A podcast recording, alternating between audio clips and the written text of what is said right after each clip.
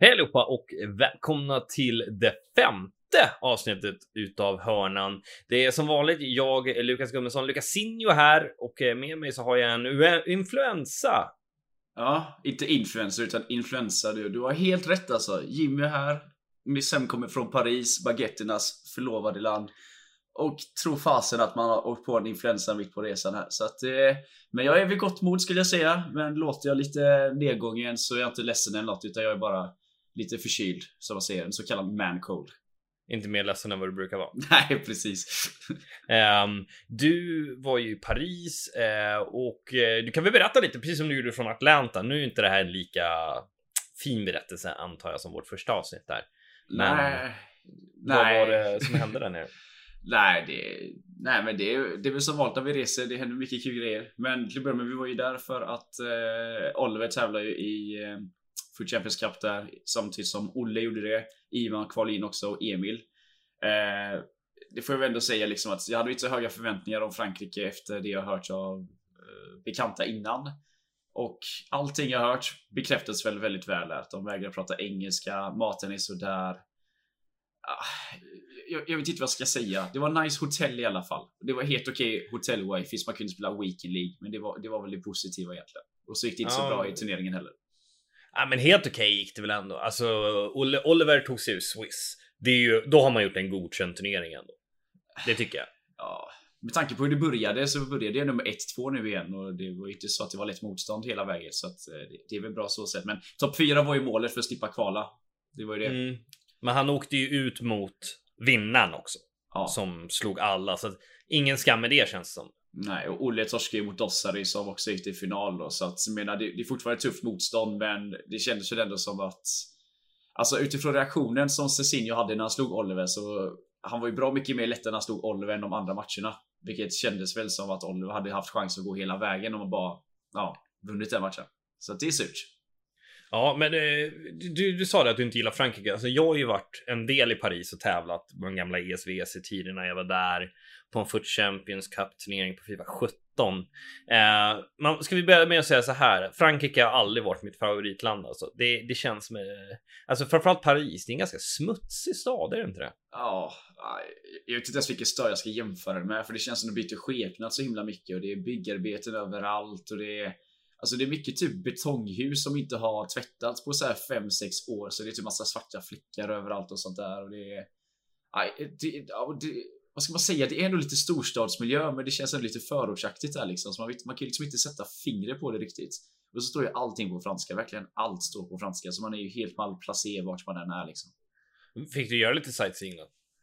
Ja, vi tänkte göra det i söndags, men jag låg ju jag låg i tokdäckad. Det var ju när vi satt i lördags vid Venue så började jag må väldigt, väldigt dåligt precis innan Olivers match såklart. Och sen så mådde jag lite bättre precis innan vi gick in. Och så gick vi in i studion och jämför vi med Atlanta där det var väldigt, väldigt kallt i studion så var det ju typ en bastu här inne. Och jag hade ju typ på mig några öjströja under så jag fick ju sitta i långtröja. Jag tror man ser det på mig att jag sitter där och svettas och ser typ svimfärdig ut alltså.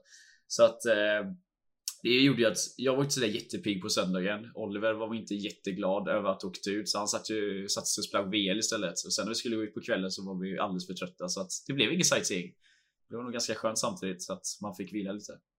Ja, men det är skönt ändå. Men som sagt, eh, hur, liksom, hur var eventet då om du jämför med Atlanta, liksom i organisationsmässigt? Uh, Atlanta tycker jag var bra mycket bättre. Uh, nu tycker jag inte det här var dåligt på något sätt, men vi kan väl börja. Maten är väl det tydligaste. Visst att maten var bättre och så i Atlanta. Uh, här kändes det som att det var högst medelmåttig mat som var liksom. Man gick ju typ hungrig till slut. Men det var så här att jag för mig att lunchen öppnade så här typ klockan ett eller strax innan ett. Men klockan ett började ju matcherna, vilket gjorde att du kunde inte käka någonting innan. Eh, sen middagen började liksom klockan halv sju. Och det var ju samma sak där, att många hade sina matcher där, så då missade du ju båda måltiderna. Det var ju inte så att du bara kunde gå iväg och skjuta upp matchen några minuter, utan du missar ju verkligen måltiderna. Eh, och i vårt fall blev det ju så typ på lördagen där när Oliver spelade sin eh, kvartsfinal att ja, nu, nu kunde vi ju liksom käka för att vi hade ändå någon timmes lucka där. Men de som spelade sin match klockan sju, de fick ju skippa maten liksom. Så det, det var ju inte sådär jättebra. Sen så nu var det att man satt i två olika rum och det var väldigt, väldigt tight. Nu satt ju vi väldigt bra, men alla andra svenskar satt ju liksom i en mittenrad typ och det gjorde ju att om de skulle gå förbi där, alltså de välte ju typ båda sidor samtidigt, vilket gjorde det ja, det var ju väldigt svårt att sitta där liksom och ha coacher och sånt där. Och sen var det väl Alltså i Atlanta, brassarna satt ju och skrek väldigt mycket just det här Vamos Caralho speciellt då. Eh, och det satt man ju och garvade åt då. Men nu var det ju väldigt störande för det satt ett väldigt litet rum där det var väldigt, väldigt varmt och det var väldigt bra akustik. Så vi hamnade ju bredvid Principe från Italien. Och den killen har ju temperament om man säger så. Så det är inte det att han bara skriker någonting när han släpper in i utan Han slår ju bänken och det gör ju att hela jävla bordet skakar ju. Och det var väldigt mycket sånt som satt och störde och sånt där. Och det var ju, det var ju liksom inga iliganställda alls som kände att men vi kanske ska gå och ge en varning och sånt där. Utan det var ju mer att det, det var kul, det kan bli bra content det här. Men det störde ju väldigt mycket. Så att det, det är väl ett litet minus också. Annars så var det ju rätt nice byggnad och så. Vad tycker, eller hur var reaktionen på Tex kommentar i intervjun? Jag antar att du förstår vilken jag syftar på när han ja. i sin intervju går ut och säger att han då alltså eh, spelar spelet med att han inte, ingen njuter av att spela det här spelet. Ingen har kul att spela det här spelet. Man gör det bara för att man måste. Ja, alltså jag tror det var nog inte så många reaktioner inne i venue för att jag tror inte det var så många som hörde detta utan jag vet att jag såg det på Twitter i efterhand. Så jag kan ju ärligt säga att jag förstod typ tre ord av vad det var han sa. Han sa ju någonting med att eh, Eh, det är liksom unrewarding och sen hör jag verkligen inte ett ord av vad han säger utan jag har fått det tolkat för mig. Eh, så att jag tror, det var nog inte så många som hängde med på vad han sa för det var ju så, han sa det lite nervöst liksom. Alltså, han kände ju väl att han kunde bli bestraffad för detta men Alltså det, det har ju genomgående varit problemet. Jag vet att vi satt ju bredvid amerikanerna och de var ju väldigt högljudda. Så fort de släppte in ett mål och missade en chans liksom så satt de bara och skrek om hur dåligt spelet var. Det var Alltså det kändes som att det var väldigt frustrerat på det här eventet jämfört med vad det var på förra eventet. För nu satt folk verkligen och skrek och alltså när man vann en match bad man om ursäkt och såna här grejer. Så att eh, Ja, jag, jag, tror text liksom någonstans gestaltar det alla andra kände. Och det kände väl även de i ställda när det var lite DCs och sånt där också. Att det, det kändes liksom hopplöst. Alla satt i samma båt. Samtidigt det som förenade alla sa där att det, det var så mycket problem i spelet. Alltså, jag satt ju och kollade på streamen under fredagen. Ja. Och den streamen kraschade två gånger. DC i spelet. Och vad jag förstått det så var det på grund av att lokalen hade för dåligt nät.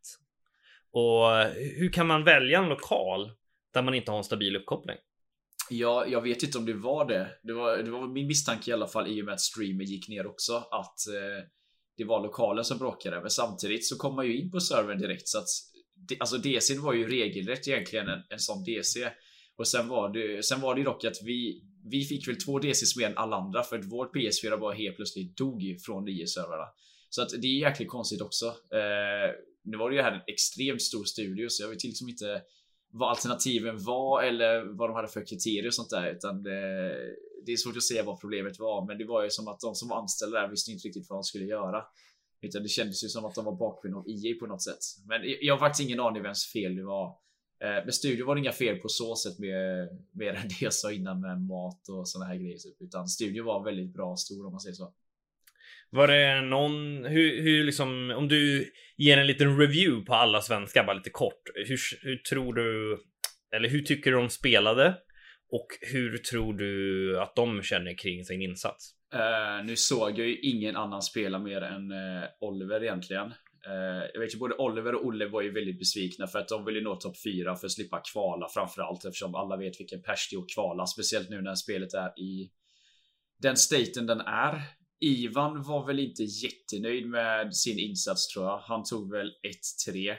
Han var väl någonstans ödmjuk inför uppgiften och insåg liksom att han inte varit på ett LAN länge, eh, på länge. Men jag, för mig, jag kommer inte ihåg exakt vilka han mötte. Man mötte Diogo första matchen exempelvis och visste att det skulle bli tufft och då förlorade man med 1-0 i slutet. Och jag har för mig att alla hans matcher var tajta liksom, så han kände väl att hade han, hade han bara liksom haft lite mer rutin, lite mer koll på spelet, hade han vunnit detta. Emil, jag vet efter första matchen så satt han bara och skrattade och sa alltså den här killen är fan för bra. Han mötte ju Resende som gick till, eh, han gick väl till semifinal tror jag, på Xbox-sidan. Han förlorade även mot Felipe som eh, torskade mot Tex i kvartsfinalen där.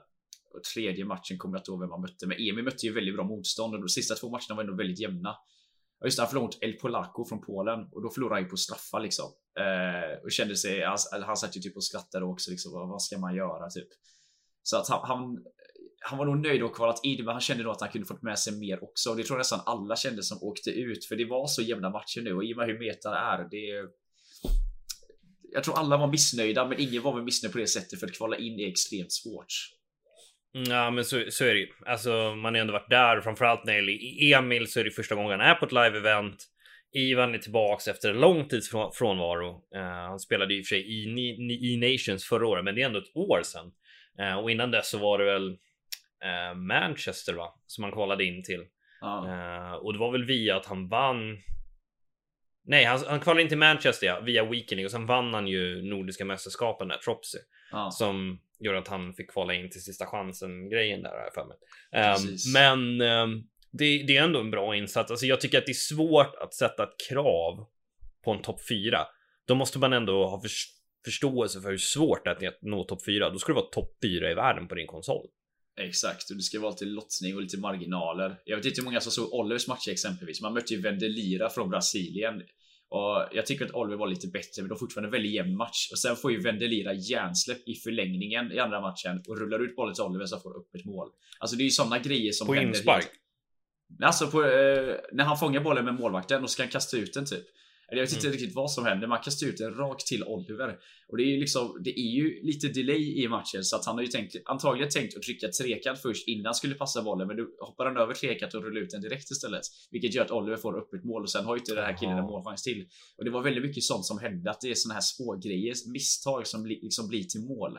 Så att det är så extremt svårt. Det gäller ju liksom någonstans att eh, att hålla uppe spelet. Och den som imponerade mest på mig i så fall var ju Dossary. Han vände ju ett, nej 2-4 vände han mot Mino från Frankrike. Han vände ju även mot Tex och vann på straffar. Men det, han var liksom den enda som någonstans hittade hur man vände en match. Resten var ju liksom Det var ju nästan så att alla gav upp så fort de släppte in första målet. Ja, men det, det är ju så. Det, och det här spelet, du blir ju så otroligt hårt bestraffad. Ja. För det du gör och det du inte gör till och med ibland i spelet. Um, vilket gör att det är så svårt på den här nivån för att med, med årets meta med att det är, är som possession, det är overload ballside, jag känner det i weekend i helgen, det blir mer och mer vanligt att folk lirar overload ballside. Och det är så svårt att hitta minsta lilla yta uh, i, i boxen att uh, hitta ett avslut och framförallt när man möter några av världens bästa spelare som har team of Stefan Dijk, även om du har prime moments Ronaldo. Ja. Så alltså, tar inte det där oj-löpet åt dig, då blir det tufft. Alltså, du, vad, vad, ska du göra? Du kan inte dribbla dig förbi ett helt lag. Du är beroende av AI-löp. Och vissa matcher så kommer inte de här löpen. Nej, och det är inte bara det. Utan står du och försöker skylla, eh, skylla bort från din mittback så kommer ju mittfältet till slut och AI tacklar dig och tar bollen av dig. Så att det är liksom, du, du, passar du in på forward då måste du nästan på ett tillslag gå åt sidan och försöka finta runt och hoppas att du liksom glitchar dig förbi mittbacken och det är att han buggar till och hamnar på hälarna liksom. Exakt, och det är ju liksom definitionen av RNG så att eh, nej, det, det känns lite. Det känns lite helt hundra, men det, det, var ju lika för alla liksom och det var, men det var, det var lite en uppgivenhet där att sätter man in första målet så känner man att nu är det kört. Ja, det, det är svårt i år och man måste ju riskera så pass mycket bara för att ens ha chansen att vinna bollen i pressen. Uh, och det är ju det, är det som är så tufft, framförallt när du möter så här bra spelare som lirar med full bredd, liksom i anfallsspel, bara spelar runt bollen. Du möter liksom possession spelare är tuff som fan. Alltså. Ja. Det är ju det. Så att eh, det, det är bara hoppas att det ändrar sig. Och att, eller att eh, om dropback är kvar och vet du det, och Blåbås, att det finns nya sätt att komma runt i alla fall. Typ slå inlägg exempelvis. Och då är det då alltså annonserat nu. Vi vet ju mer detaljer, men vi får inte säga mer till er att Allsvenskan säsong 2 äntligen är utannonserad efter en, eh, vad ska man säga, eh, lång väntan kan man minst sagt säga. Eh, och den kommer att dra igång den 10 mars. Ja. Uh, ja, vi har väl ändå, vi har inte fått veta så mycket detaljer hittills, men vi har ju ändå fått veta att det, det är på gång så att säga, så man har ändå suttit lite, man har suttit tyst liksom. Uh, och det har ju varit mycket rykte på sociala medier, men nu är det, nu är det annonserat i alla fall och det tycker jag är väldigt skönt i alla fall. Att, uh, då, då, vet ju även vi att det blir av. Hur mycket vi än har hört så det här är ju vårt definitiva besked också. Så det, det, det ska bli riktigt kul faktiskt. Ja, alltså, jag har ju följt med hela resan. Jag får inte säga vad som har hänt och sådär, men det har ju varit en frustrerande kan man säga höst och vinter e-, eftersom jag är projektledare för hela för hela verksamheten i AIK så har jag varit den yttersta representanten när det gäller e-fotbollen. Och då har man ju fått prata mycket med SEF och liksom hur kan vi komma fram till lösningar på de här problemen och sådär.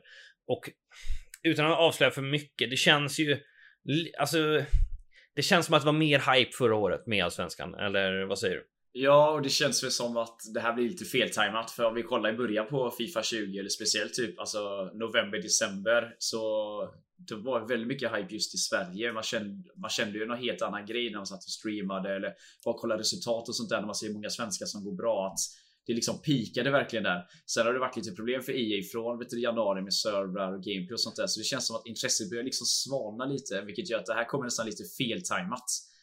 Eh, så att det, det, Precis det som förra året. Ja, men alltså, det kommer liksom lite för sent i spelcykeln. Sen om man ska försvara detta på något sätt. Jag tycker att turneringarna som EA håller, de officiella turneringarna, de kommer för tidigt i spelcykeln. Så att hade man skjutit på det lite så hade ju detta kommit helt perfekt antagligen. Eh, så att egentligen kanske detta inte är för sent. Men om man jämför med andra ligor som den danska, holländska och sånt där som liksom redan är färdigspelad så kommer ju det här det är lite efterhalkat liksom och det har varit lite ett vakuum innan. Så att eh, ja, lite för sent Ja. skulle jag ändå säga att det är. Danskarna drar igång sin fjärde säsong nu i vår. Precis. Och de, och de har ju bara hållit på under Fifa 19 och 20 också. Så att uppenbarligen så är det mycket bättre organiserat i Danmark kring allting. Och precis som du säger, alltså nu är spelet över. Det finns två spelare i Sverige som har en rimlig chans att ens nå ett slutspel i, i FIFs i sommar. Och det är ju Olle Lito som är redan är klar, kan jag våga ändå påstå att han är. Eh, Så det är inte jätteviktigt för honom det här nästa, utan det vill bara gå dit och hämta hem pengar liksom. eh, Ja. Sista kvalet om man skulle kvala in. ja. Ehm, för Oliver, för honom är det jätteviktigt att kvala in till det här sista kvalet nu, känns det som. ja, precis. han, är, alltså, han är ju redan klar för playoffs, men det är ju, han vill ju från playoffs till finals. Och det är väl, Mm då behöver han, jag kommer inte ihåg exakt hur mycket, men det är väl en 1500 poäng till, om inte mer till och med. Nu får man ganska mycket just i playoffs, där har han ju lite mer. Men sen att Oliver ska kvar till Champions League, då är det ju då är det rätt mycket poäng på spel där. Men det gör ju att EM-svenska blir ju extremt viktig att få poäng, att få med sig dit. Och det hade varit skönt att ha det innan. Och jag måste säga det, när vi snackar om E-Champions League. Jag var inte med i kvalet, jag kände att det är inte värt det. Jag tycker inte att det är kul just nu. Så kände jag förra helgen. Ja. Utan jag spenderade helgen på andra sätt. Så att jag, jag har missat två kval i rad här nu. Men det jag såg förra året från E-Champions League, från de som kvalade in. Jävlar vad lyxigt de hade det. Eh, ja, alltså de fick väl någon loge och grejer ner till Madrid. Fick väl dessutom ta med sig familjen typ och gå på Champions League-finalen. Och det är samma, kollar man prispengarna nu på i Champions League så är det ju, det är ju, det är ju sjuka summor. Nu tror jag bara det är topp 8 som eller alla som kvalar in får väl en liten summa, men sen topp 8 då är du garanterad 15 000 dollar.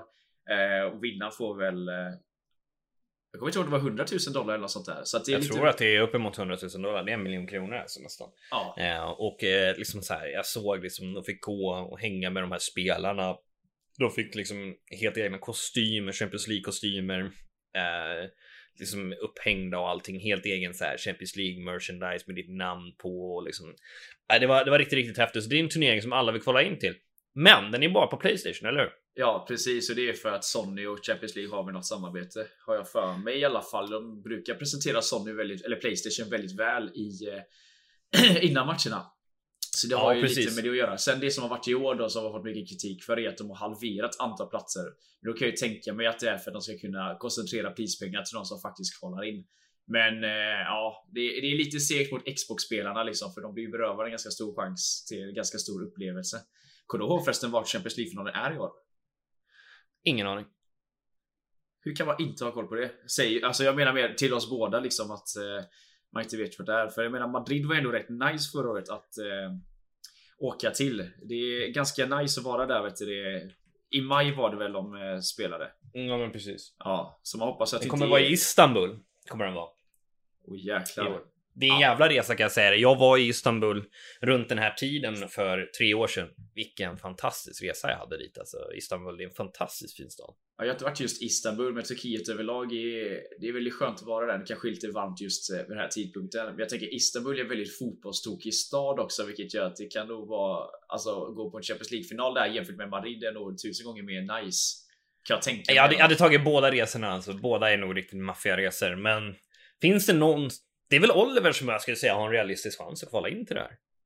Eh, ja, Det är 16 europeiska platser i hela eh, i hela världen då, alltså både Xbox och Playstation. helt ärligt vet jag inte ens om det var någon som kvalade in av svenskarna från sta eh, Stage 1 eller Phase 1 förra veckan. Så att vilka är det som kommer kvala? Det är Oliver, Olle får ju chansen. Man har ju ett riktigt dåligt lag på Playstation. Simme. Simme. Ja, Eh, Yassin. Davve. Davve. Uh, Yassin och Davve. Ja men det är fem stycken liksom. Och, om vi då kollar laget så är det ju Simme, Yassin och eh, Oliver som har en riktigt bra chans. Ja. Att, att ens kvala in och nu drar ju givetvis Oliver in en uh, untradable SCN Prime i sitt lag. Vet jag att han kunde köpa in ett ännu bättre lag så att uh, ja, han uh, Ja, det hade varit kul om han kvalade in i alla fall. Det, det, tror jag också att han kan göra, men det, det är ju extremt svårt som sagt. Jag, jag, vet inte hur många som är med i Phase 2 nu, men i och med att alla som är autokvalificerade även från Xbox Phase 2 även kan vara med i Phase 2 här. Det gör ju att det kommer ju vara typ en 700 pers och det, det gör ju att det kommer bli som ett kval var innan ändå och det kommer ju bli extremt tufft att eh, ta sig vidare för du måste vinna typ fem knockout runder nu. Ja, det, det kommer bli helt tufft. Jag, jag, tror att det blir svårt. Det är Oliver som har en chans där i så fall. Uh, men även det blir ju enormt tufft. Ja. Det kan jag lova. Så att uh, vi hoppas att uh, vi har en svensk där, men jag ger inte för stora hopp just nu i alla fall. Nej, det är, som spelet är nu så det, det är väldigt RNG liksom. Det är någon som har kvalat in till events tidigare. Det, det, jag tror inte det kommer vara så många nya som tar sig in nu, utan nu har vi sett sista insläppet av folk som är nya lite tack vare just vet du, det, overload balls. Att vissa spelare de har liksom kunnat hantera det. Det syns väldigt tydligt på PS4-sidan exempelvis att många av de som gick till topp 16 där de tjänar väldigt mycket på att köra overload ballside. De hade inte så bra koll på varken offensiv eller defensiv. Och ifall de inte patchar detta då kommer det vara ungefär samma som kval in till Paris nu tror jag som tar sig till E-Champions League. Ja, nej, det, det är väl inte helt otroligt. Jag, på tal om SCN, jag drog ju faktiskt också in honom i veckan. Jag kämpade och slet från de här Icon Swap som vi pratade om det tidigare. Men jag tror jag drog en så här typ 11 vinster på de sista 14 matcherna. Ja. Um, I Rivals Bundesliga gjorde jag faktiskt fyra raka vinster, Jimmy. Ja, det är sjukt. Det gjorde inte jag kan jag säga. Jag tappat 300 Rivals poäng på det. Så jättekul när det går bra för andra. Men, ja, då, men då känner jag ändå någonstans att du har förtjänat din SCN. Vad fan ja, har, vad har Oliver gjort för att förtjäna sin SCN? Han satt, han satt och garvade lite sin stream bara oh, oh, oh kolla här en ghanansk icon liksom. Nej men vadå, han, eh, han bara, han packade honom alltså? Ja, han packade honom sina Rivals Rewards. Nej, det är sjukt ju. Ja. det är Nej, jävligt sjukt. Fy fan vad sur jag skulle bli om jag gjorde det. Om jag packade honom. Va, äh, nu får jag ta Vera här då. måste, ja, måste ja, men precis. Skyldigt. Ja. ja, nej, men jag tog ju faktiskt in mina CN och jag hade ju turen att jag packade ju en untradable Neymar. Um, i mina rewards. Så att jag fick in eh, lite dollar, 3 miljoner. Eh, alltså, jag in. lackar ju på det på riktigt alltså. Så att jag köpte, jag bara, jaha, ja men då tar jag väl in R9 då. Så jag köpte R9 och så köpte jag en Cruyff för jag drog in 3 miljoner. Så nu har jag R9, Cruyff, eh, Team of Diamané och en Neymar där fram och så har jag Hullit och SCM på mitten då, då. Det är ett jävla lag jag har just nu. Ja, snart är det kul för dig att kvala ju. Ja, nej men precis. Och jag har, det, är, det är faktiskt bara ett kval kvar för mig. Ja. Och det är det sista och det kommer vara i början på april och det känner jag väl ändå. Det ska jag väl ge en chans ändå. Um, då kan man, nu har jag ändå fem veckor på mig att förbereda mig. Ja, nu har du, men, el, har du eh, elsvenskan också. Uh, jag har inte hört jag har inte hört så mycket detaljer där, men eh, fall inte i restriktioner då... Det kommer inte vara några restriktioner. Um, det tror jag inte. Vi kan ju prata om det när vi har fått reda på lite mer officiell info. Ja, men, men, det men jag då har, ju du ett bra jäkla lag i alla fall, kan vi ju säga. Definitivt. Det jag har gjort det, jag, jag har ju tänkt så här. Alltså jag tycker inte det här spelet är kul på toppnivå. Jag tycker inte det är kul att spela de här kvalen på FIFA 20 i alla fall. Så att jag satsar bara allting på E-svenskan. E-svenskan är kul, representerar AIK är fantastiskt och vill bara göra det så bra som möjligt liksom. Så att um, just det, det är det jag fokuserar nu på här nu under våren och sen är allsvenskan är slut, och ska jag bara lalla och köpa in eh, Sola, Prime Moments, Lampard, Prime Moments, köra med Chelsea-lag och lite roliga lag så här som jag gjorde förra året. Ja. Själv ska jag köpa in NHL tror jag. Nej, skämt åsido. Men eh, ja, nej, det efter IA svenska kommer det vara ett litet vakuum där. Det är frågan vad man ska göra egentligen med spelet. Men eh, alltså min förhoppning är ju fortfarande att de kommer göra en bra patch liksom som gör alltså gör det lite mer varierat, lite roligare att spela anfallsspel. Det nu, nu har jag även gått över till den här sidan att ja, men det känns ändå som att connection har blivit lite, lite bättre. Vi satt ändå i Paris på hotell wifi och 60 tums TV och kändes det kändes ändå helt okej okay att spela därifrån. Så att eh, det, det, någonstans känns det som att det har bättrat sig på den fronten. Nu ska ju bara spelet lagas. Och det, ja, men någonstans måste de ju vet det, lösa det hoppas jag. Jag tror att det är rätt kört för just den här versionen. Jag tror inte att de kommer släppa några fler förändrande patches eh, under Fifa 20 utan vi får nog se förändringarna i Fifa 21 som kommer om sju månader. Alltså vi är inte ens halvvägs in i cykeln än. Nej, men sen alltså tror du inte de bara kan få för sig, alltså gå den enkla vägen och bara se till att du inte ens kan välja overload att de bara liksom gråmarkerar det. Nej, det tror jag inte. Jag tror inte att de kommer göra det. I så fall så tror jag att de bara ändrar någon procent lite hur pass tight det är centralt liksom. Ja, då blir jag sur på riktigt för då, då patchar de ju fel problem. Men ja, det, det återstår att se. Vi kan ju spekulera mycket vi vill här. Det kommer vi inte ha något svar på förrän efter. Nej, men jag har svårt att se att det kommer några patches i alla fall. Alltså, jag, jag känner både ja och nej, för visst, det är så pass sent in i spelcykeln och sånt där, men samtidigt känner de väl att de har mycket att förlora på detta. Så det, det, det, är, det är lite kaos just nu kring EA och spelet och allting och den här helgen har väl inte riktigt inte riktigt boostat deras eh, vad ska man säga, deras varumärke hos diverse kunder. Mm, nej, det har hänt lite grejer nu på senare tid. Uh, jag gick ut och uttalade mig igår, fick en hel del skit och jag misstänker att ni alla vet vad vi pratar om. Det som hände, vi spelade in det här tisdag um, och det som hände igår kväll var ju att Kurt, som vi alla känner till, fick ett uh, litet meddelande när han skulle starta upp sitt Playstation. Och uh, i det här meddelandet så stod det att han inte längre får spela P eller EA-spel från sitt konto. Hans IE-konto är helt enkelt bannat från eh, online kan man väl säga. Mm. Och det har ju skapat en minst sagt intressant diskussion och det som slår mig framförallt, alltså. Nu vet jag att du, du är väl lite mer, du är lite, jag ska inte säga att du är på EA sida, men du ty, båda vi håller med om att bannen är riktig, men jag ligger väl ändå någonstans i mitten. Eller jag försöker ändå se från båda sidor. Men det som slår mig väldigt mycket när jag ser kommentarer är ju hur dålig källkritiken verkligen är på Alltså, vad ska man säga? De som försvarar Kurt dyrt och heligt.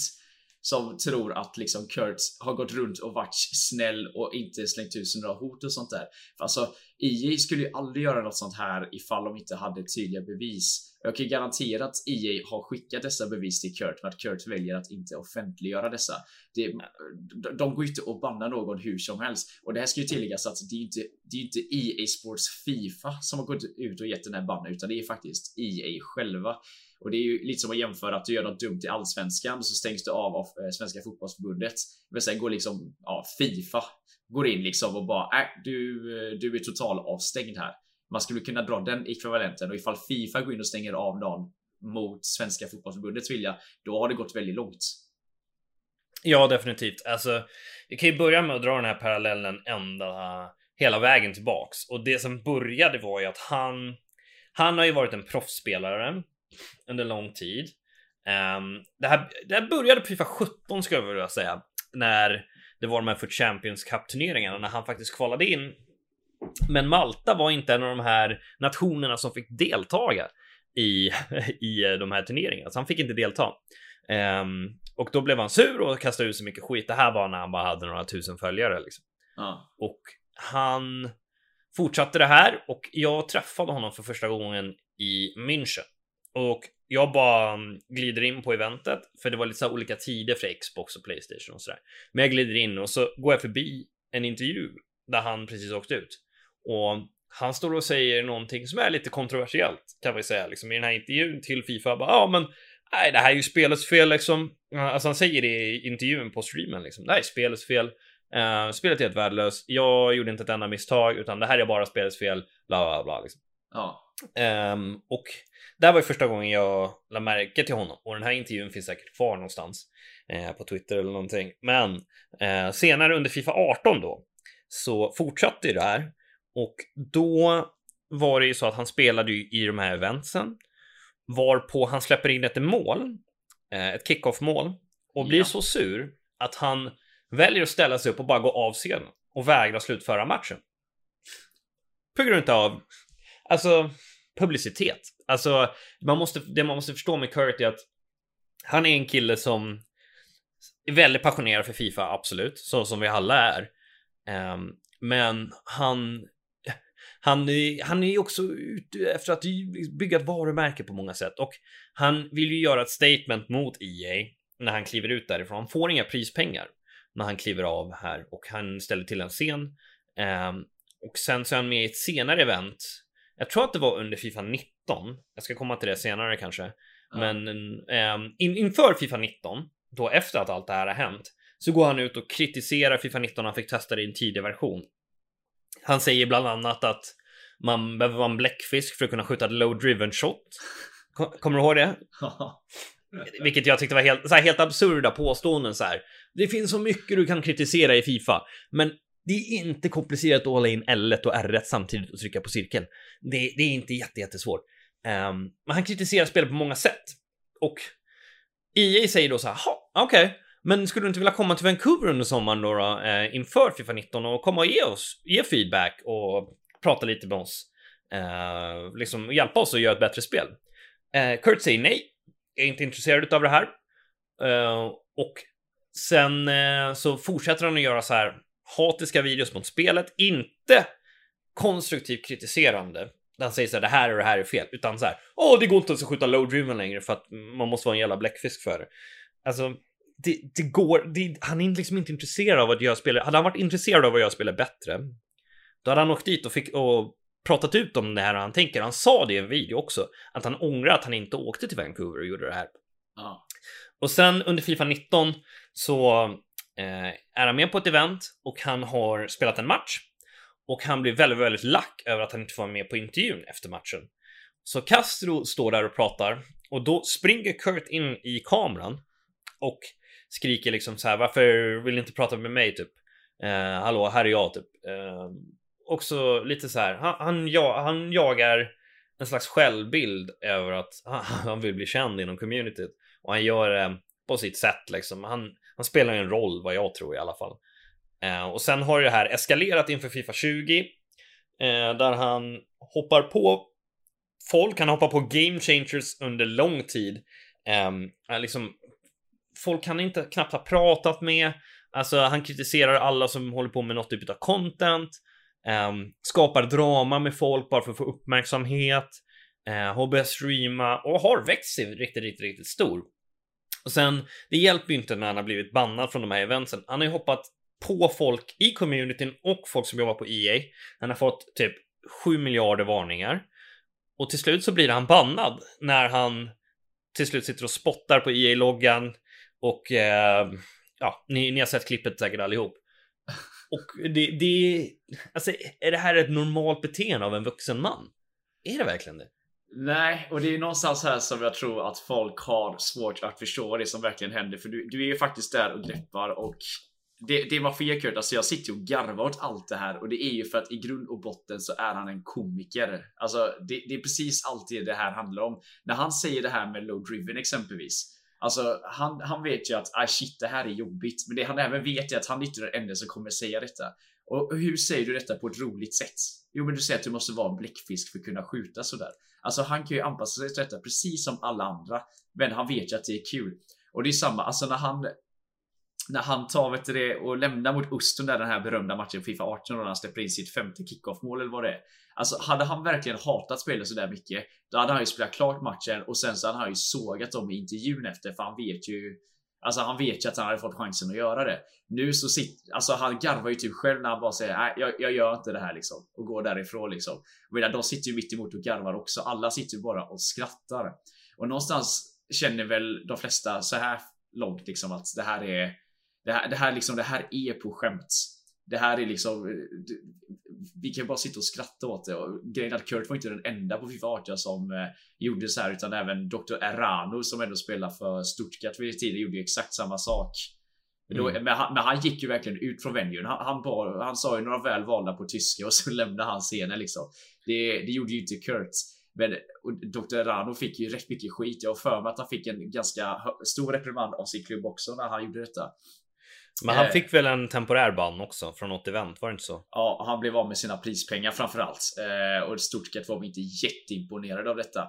Om, jo, men det var väl Stuttgart han tillhörde vid tiden. Skitsamma. Men han, alltså, han gjorde ju en riktig rage quit. Det gjorde ju inte Kurt, utan Kurt gick ju tillbaka liksom och eh, spelade klart sin match. Och han gjorde det seriöst mm. dessutom. Hade han verkligen gjort ett statement så Ja, det jag vill komma till är att Kurt, han är liksom en komiker. Det är samma sak som du säger med Fifa 17 och Malta liksom. För jag för mig att samma diskussion gällde på vet du det, när Gfinity höll i sin turnering Play Like a Legend på Fifa 14 och 15 tror jag det var. Eh, då, Kurt blir ju känd där. Han kvalade inte alla event och han var ju känd för att han var ju det enda som inte gjorde några skill moves. Eh, så att han blev verkligen ett namn. Folk tyckte det var kul att se honom spela. Men jag för mig att i början fick inte han vara med för att det var samma grej som gällde där. Jag vet inte om det är att Malta saknar de här avtalen som gör att det bara är att liksom acceptera dem.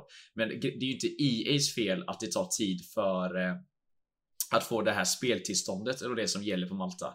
Utan det är ju liksom Maltas regering som ligger bakom det. Kurt vet ju om detta mycket väl, men han, han, han, han, han säger ju han skyller ju på IF för det är så lätt att skylla på IF Han vill göra en rolig grej av det.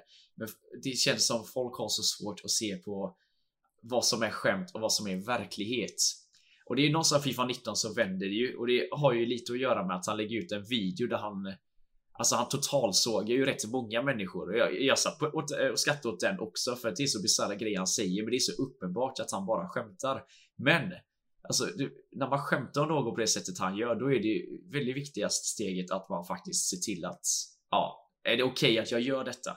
Och proffsspelarna han roastade, eller vad man ska kalla det, de satt ju bara och garvade. För att de är bra vänner liksom och de, de har den jargongen. Det vet jag och de känner varandra. Dock hoppar ju på rätt många content creators från ingenstans egentligen som man inte har lika bra till kontakt med och då är det kanske lite svårare att tolka. Är det här verkligen ett skämt eller är det verkligen ett påhopp han gör? Och sen har ju fortsatt på den vägen.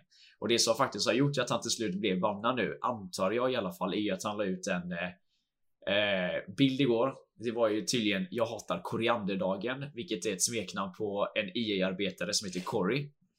Och jag tänker att just den här bilden i Han sig... gjorde ju videon också för några dagar sedan, en vecka sedan kanske. Där han går igenom, eh, ja, hela videon handlar om honom, om hur alla borde avfölja honom och vilken idiot han är i princip. Ja, och jag tror liksom att någonstans att EA känner liksom fine. Alltså Corey vill att folk ska sluta skriva skit till honom för att det är därför han inte hade ett officiellt konto längre utan han har ju ett privat konto kan man säga på Twitter. Så jag menar so far so good och jag menar EA är nog med på detta också liksom att det, det är jargong. Kurt skapar intresse.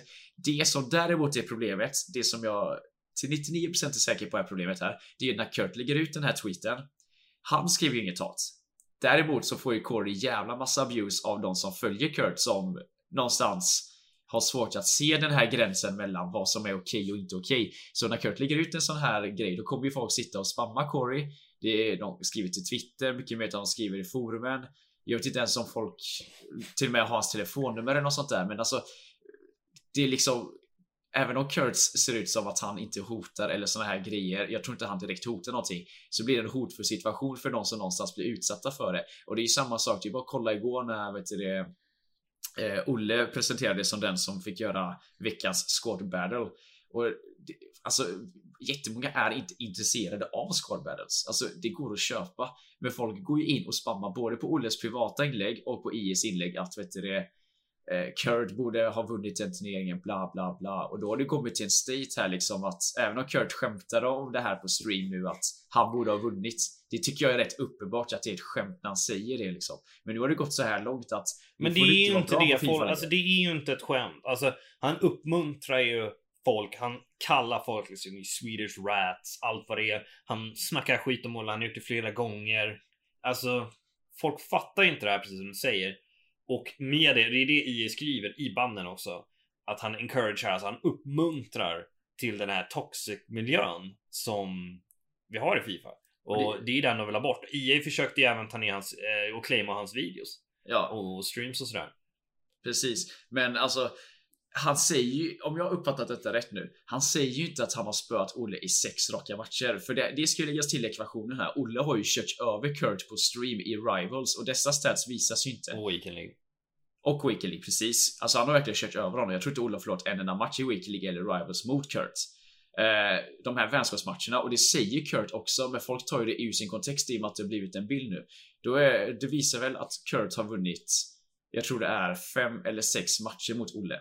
Det Kurt även säger i videon när han gör detta, det är ju att han eh, vunnit tre matcher. De andra tre är att det har slutat oavgjort och att Olle har quittat matcher för att du kan inte quitta matcher så att det slutar 0-0. Och, det, och då, då, blir det ju fel igen. Alltså folk går ju liksom och säger att Kurt han var helt överlägsen. Men Kurt har inte ens sagt det. Men folk, alltså de är ju så inne på Kurt att de hittar på en egen verklighet och applicerar det liksom. Och så fort något sånt här händer, då går de in och spammar allting det här liksom, säger att det är oförtjänt. Och det har ju liksom gått det jag skulle komma till att det har gått den här längden nu att vinna ett event. Nu är det liksom, du blir ju skam, alltså du blir ju skamsatt ifall du vinner ett event. För att, mm. Eh, vet du det, ja, men det är inget speciellt längre. Och det är ju livsfarligt för kompetitiv Fifa, för nu är det liksom, du sjunker intresset drastiskt för att du får inte vara bra på det här spelet längre. Då är, då är du en råtta och du tjänar EA's, eh, vet du det, ja, tjäna vad de vill och såna här grejer liksom. Det, det, det, det blir så fel alltihop liksom. Och det, det, det jag vill komma tillbaka lite till, alltså jag, jag, köper, jag håller med allt det du säger. Men det är framförallt, det, jag tycker ju liksom bara att du är en förebild, du kan inte bete dig hur som helst liksom. Alltså du kan inte säga vad som helst eller bete dig hur som helst. Hur mycket du än har glimten i ögat. Och det jag försöker säga är att Kurt har ju aldrig varit intresserad av att göra det här spelet bättre. Kurt är intresserad av att tjäna pengar och han har tjänat mer pengar på att bli bannad av EA än någon annan i communityt. För att nu är folk helt, helt plötsligt intresserade av honom. Han vill bli bannad. Han vill bli bannad på det här sättet igen. Hur mycket tittare tror inte han mer kommer få på sin nästa stream? Ja, han kommer ju ha När väldigt, många mer tittare och det menar det ännu steg är att det här är en plan. Det är att han sitter och spelar bra många fler spel än bara Fifa just nu. Det är liksom, han är ju förberedd på detta. Ja, så att det Kurt har ju byggt sig ett varumärke och jag tycker att han har byggt sitt varumärke på att skapa drama med andra, sprida hat och allt däremellan liksom för att det är det alltså för att han har ju fått folk att tro att han är den enda som kritiserar spelet och att vi game changers, jag är en utav dem, att vi är de som förstör spelet. Uh, när vi egentligen är de som, jag, jag lovar det, att vi har hjälpt till så att spelet har mycket mindre buggar och uh, overpowered saker än vad det hade varit om vi inte hade varit där.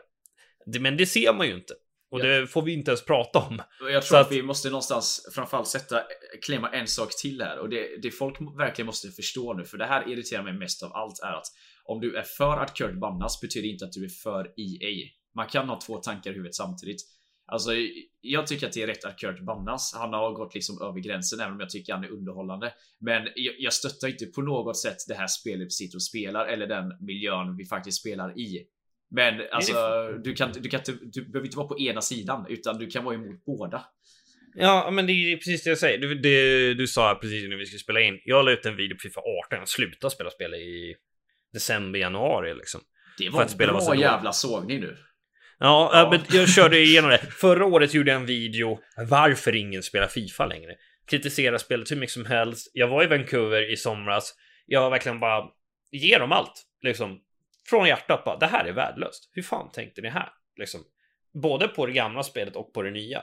Så att det är liksom man måste förstå att de är, vi har pratat lite om det här tidigare, men de är inte jätteintresserade av att göra det absolut bästa spelet. De är intresserade av att göra en fotbollssimulator som blir kul och som säljer kopior. Ehm, och det, det får man tycka vad man vill om, men där har vi ändå en nackdel i Fifa e-sporten, liksom, att för att det, det kommer fan aldrig vara perfekt. För att, precis som vi pratade om förra veckan, det kommer vara slump för att fotboll är slump. Så att det kommer aldrig riktigt vara den bästa e-sporten heller. Nej. Och sen ska det ju läggas till också att om vi nu ponerar att du faktiskt varit lite Kurt-aktig och verkligen gått ut och kritiserat allting du gör i allting du gör. Hur hade reaktionen varit då? Jo, men du hade fått höra åh, du försöker vara som Kurt och du bara gnäller. Det är så jävla jobbigt att höra på ditt gnäll. Det är att Kurt har ju någonstans gjort det. Han har gjort det till sin grej att det är okej att han klagar att han är någon typ messias inom Fifa-världen som ska komma och rädda oss. Men om du skulle göra samma sak skulle du få så jäkla mycket skit. Jag gör ju, jag gör ju samma sak ofta. Det är bara att Ja. jag inte hoppar på folk. Men jag sitter och kritiserar spel. Jag bara, men titta vad som händer. Titta på den här tunneln som kommer här. Eller titta hur idiotiskt den här passningen är. Jag läser den, men den ändå går fram liksom på något sätt. Ja. Då gnäller man, eller man gnäller på delay och det är bara jag som gnäller på delay. Det får jag höra flera gånger varje gång jag streamar. Jag är Ja. den enda i hela världen som gör det. Alltså, det blir, man man kan liksom inte plisa alla såklart.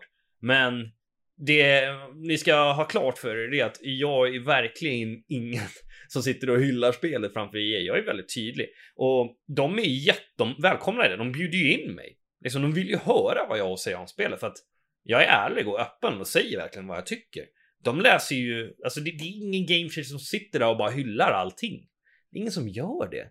Alltså det, det, är en sån missuppfattning liksom från Kurt och det är en del av hans propaganda också liksom. För han har ju spridit så mycket lögner i hela communityn och vad som händer och vad vissa står för liksom. Ja, jag alltså, han gör ju liksom- vissa antaganden som är helt absurda. Är... Ja, han har ingen aning liksom, utan han bara sprider ifrån sig massa skit. Han så... har ju en aning, men han vet ju att det här kommer sprida sig och han hoppas det ska sätta press på IE samt som han får uppmärksamhet. Det är... Ja. Nej men, ja, men eh, hans fans har i alla fall ingen aning. Och det bara sprider till en otroligt negativ miljö. För att eh, vi har pratat om det tidigare. Jag läste i någon tweet här för någon månad sedan. Nej, det var Ninja som skrev det. Jag, jag tror jag har tagit upp den tidigare. Men det fick mig verkligen att tänka till. Han sa så här. När det gäller Fortnite. Alltså, varje du som, gång du som content creator skriver någonting negativt. Så är det färre som spelar spel och färre som kommer titta på det. Ja. Alltså, om du sitter och kritiserar till exempel, om jag skulle sitta och säga så här, fan vad Fifa är tråkigt. Jag kommer få mindre tittare av det. Jag kommer få mindre följare, allting. Det är bättre liksom att försöka visa det från den positiva sidan och jag försöker verkligen hålla tillbaks min kritik. Öppet i alla fall. För att du, det gynnar ju inte någon i Fifa Community bara sitta och vara negativ och bärsa spelet. Vi alla vill ju att Fifa ska växa. Ja. Och det gör det ju inte genom att bara kritisera och liksom hålla på och trycka ner alla som är bra på spelet eller vad det nu är. Och det är inte bara det utan jag menar när vi sitter och streamar, vi gör ju det för att få ett bra resultat. Om man sitter och gnäller på spelet, alltså det, då drar du bort allt fokus från att göra ett bra resultat.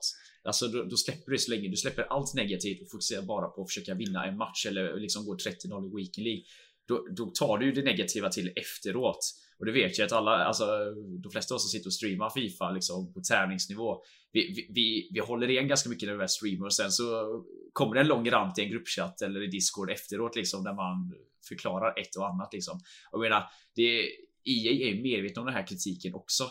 Och jag har ju mina teorier liksom. Det har jag ju nämnt i tidigare poddar också att Frostbite-motorn är inte optimal för detta. Det kommer komma PS5 där de har mycket kraftigare spelmotor att utnyttja, vilket gör att allt kommer flytta på bättre och så vidare och så vidare. Och att när de ändrar saker i patcherna, det är för många patcher som det är just nu och det gör ju att när de ändrar en patch utan att testa den tillräckligt så gör ju det att det, det ger en förändring någon annanstans som gör att det blir jätte, jätteproblem med spelet. Så säg exempelvis, ja men eh, nu ska vi nerfa då så att du ska kunna göra mål på fler skott i straffområdet. Då är det inte att de ändrar att fler skott i straffområdet går in utan de nerfar ju även målvakter och liksom programmerar målvakterna på ett annat sätt, vilket gör att då blir målvakterna sämre på, i en annan situation, vilket gör att då kan du utnyttja det här och då kommer nästa grej vara att då ska vi fixa så att försvararna blir bättre i just den här situationen så du kan ju må lika enkelt där och när försvararna blir bättre i det, då är de även bättre i annat, vilket förstör någonting annat så att det blir liksom som en dominoeffekt av allting.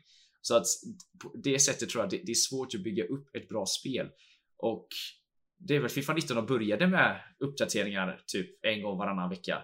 Fifa 17 liksom var ju, tyckte jag var hur bra som helst. De hade en stor uppdatering där under vintern, men det var ju mest servrarna och stabilitet liksom. Det, det, det var ju ingen spelskillnad alls egentligen. Fifa 18 vet jag inte, för det slutar ju alla vi spela typ. Men Mm. ja, men alltså man slutade spela det här vintern, man pallade ju inte mer liksom. Det, det gick ju liksom ut över ens privatliv, man satt och spelade den skiten. Ja. ja, men Fortnite där var ju mycket roligare också på den tiden. Nej, jag tyckte Fortnite sög också. Jag har jag har ändå sagt att jag spelade det bara för att komma bort från det typ. Ja, nej men det, så det är väl det vi tycker om Kurt. Vi båda är ganska överens om att det är rätt att han bannas, men såklart att EA ska vara öppna för kritik också.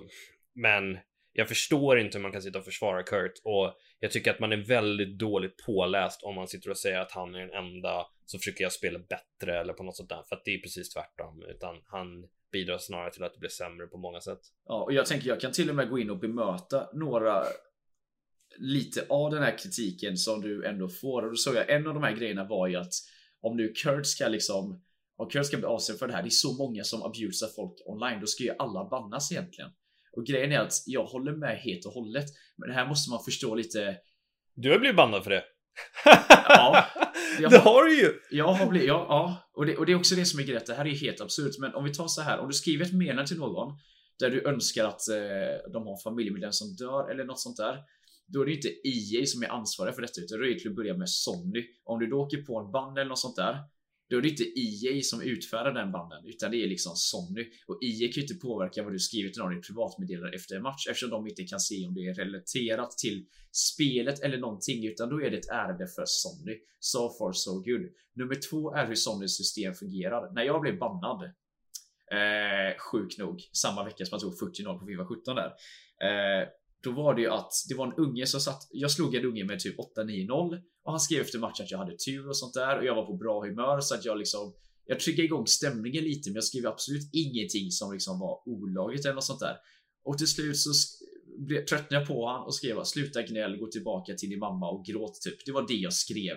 Ja, eller hur? Ja, alltså helt ärligt ja. Så att det, jo, men då anmälde jag ju hans meddelande bara för att jävlas med honom, för jag var så trött på honom. Och då blev jag bannad själv, men då blev jag ju bannad för att jag hade skrivit ett meddelande för typ, jag vet inte, till någon annan kille för ett bra tag sedan när jag var till sal till en turnering typ. Och det gör ju att PS, PS vill ju liksom scanna alla dina meddelanden från ett annat ställe och det är ju så att om inte du har ett helt clean record så kommer du bli bannad själv. Vad leder det här till? Det leder till att du inte vill anmäla andra människor för att risken finns att du åker på en bann själv. Men återigen, det här har ju liksom med sån att göra. När kan EA liksom, när kan IA verkligen gå in och banna dig och ditt EA-konto för det du gör? Det kan de göra när du eh, har ett lagnamn som är rasistiskt eller på något sätt kränker en annan grupp. Det kan vara när du sitter och streamar spelet och gör massa grejer. Eller det kan vara att du går ut på sociala medier liksom och bashar EA-anställda eller spelet. Och det är precis det Kurt gör. Så när folk säger om en, när folk skriver det här mer till mig efter matchen. Det är ju inte, det är ju liksom inget ärende för EA. Det är ju ett ärende för Sony. Och Sony ger ju blanka fan i EA. Det kan jag garantera direkt. Och det är ju inte så att Kurt sitter och bashar EA-medlemmar efter att han har förlorat en Weekend League-match, utan han sitter där på en tisdag, helt lugn och bara ska snacka skit om folk. Ja, och folk tror att Kurt inte har direktkontakt med folk på EA så får ju de tänka om direkt. Och då har ju Kurt gått ut och sagt också att han snackar ju med dem regelbundet. Alltså han har snackat om förbättringar på spelet och sånt där. Det sa han ju innan sin första band liksom att han har ju snackat med en i anställd så sent som 3-4 dagar innan. Och det betyder att det är inte, det är inte så att det är community manager som gått in och bannat honom utan det är någon i en högre instans som har sagt att nej, vi vill inte ha på våra turneringar. Och anledningen är väldigt enkel att han han går in och snor intervjutid och såna här grejer. Man kan liksom inte lita på honom. Eh, och jag menar, de skiter väl i om han kritiserar spelet, men de har ju sponsorer och såna här grejer. Om Kurt säger någonting fel om de sponsorerna, då kan EA bli stämda på många miljonbelopp. Och det är liksom inte mm. värt att göra det och då, det finns ingen laglig grund tror jag i alla fall att kräva att Kurt skulle betala de kostnaderna. Det gör Nej, det är en liability helt enkelt. Ja, då är det ju lättare att hålla Kurt borta och det vet ju Kurt själv innerst inne. Alltså, han är nog väldigt förstående till detta. Men det som han var sur på var ju att det är så jäkla svårt att kvala in och han kände nog att shit, jag är med och tävlar nu på en hög nivå liksom. Och då blir han berövad möjligheten. Och då vet jag att det var någon kritik där också att EA kunde skött det på ett helt annat sätt. Nu har det liksom blivit publikt och sådana här grejer. Och där håller jag med också att de borde gått in och satt i fot, alltså tryckt ner foten mycket, mycket tidigare. Nu blir det som att de de har liksom lockat Kurt med, de var liksom, ungefär som att Kurt är en häst och har liksom en fiskespö med morot framför liksom. Och sen så bara rycker de undan moroten när han väl kommer i mål liksom. Bara, tråkigt, du får inte vara med mer. Och det, det kan man ju tycka vad man vill om, och det tycker jag är för jävligt gjort av EA. Så att de kunde skött det på ett tusen gånger bättre sätt också. Ja, nej, det, det är jag inte tillräckligt insatt. Jag vet inte riktigt vad EA... Det är svårt att veta om de har gjort rätt eller inte. Sättet deras, om man inte vet om deras direktkommunikation när det gäller just den banden. Men när det gäller sättet han sprider hat på, jag tycker att um, det, är, det är någonting vi skulle kunna klara oss utan. Vi behöver inte fler hatare i den här communityn. Nej, det är inte han. Alltså, det är framförallt alltså folk som följer Kurt som går in och liksom är negativt. Jo, men han uppmuntrar ju till det ganska aktivt. Jo, jo, men det gör han ju. Det är, så att han blir någonstans skyldig till det ändå. Sen kan man ju argumentera för att ja, men det är inte jag som gör det. Nej, fast alltså han uppvilar ganska tydligt till att Han vet precis det. vad konsekvenserna kommer bli när han säger saker. Ja, och det är ju samma sak när han har några följare som går in och hackar IE-kontona. Visst, nu kan man ju tycka att IE borde ha lite bättre säkerhet. Det tycker jag i alla fall. Jag tycker det är pinsamt att man ens kan bli hackad. Men alltså när folk ändå gör till sitt yttersta mål att gå in och hacka IE-konton, då, då har det liksom, då har det gått alldeles för långt. Och han vet ju någonstans där att det här kommer, det här kommer bli tufft för mig att förklara. För han har uppvilat detta och det här är säkert också till grund för den här banden. Att det har tagit lite tid bara att de har gjort det, liksom diskuterat det och kände att nej men igår så gick det över gränsen. Mm. Ja, men det var nog allt vi hade för det här avsnittet. Vi har, vi pratar mycket Kurt, mycket band och sådär. Eh, förhoppningsvis under nästa vecka eller kanske veckan efter det så kan vi återkomma med lite mer info kring e-allsvenskan och lite mer, eh, vad ska man säga, tippning och sånt där kanske?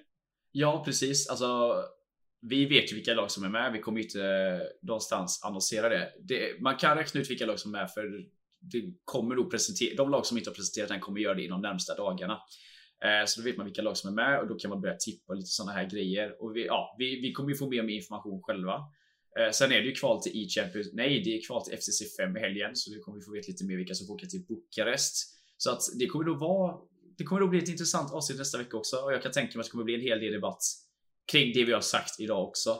Och alltså fortsätt gärna diskutera detta. Alltså jag, jag tycker det är viktigt att diskutera detta för att lägga all, allting på bordet liksom. För som sagt, Fifa-kommittén håller på. Ja, det, det är lite Titanic-vibbar. Så att fortsätt gärna kommentera. Alltså feel free hur mycket ni står på Kurtz eller IS sida eller någon sida eller ingen sida. Fortsätt kommentera och liksom eh, interagera med oss. Det är därför vi är här liksom. Så att fortsätt med allt sånt här och även om ni har idéer på gäster eller vilka ämnen vi ska ta upp. Alltså fortsätt, fortsätt, fortsätt ge förslag.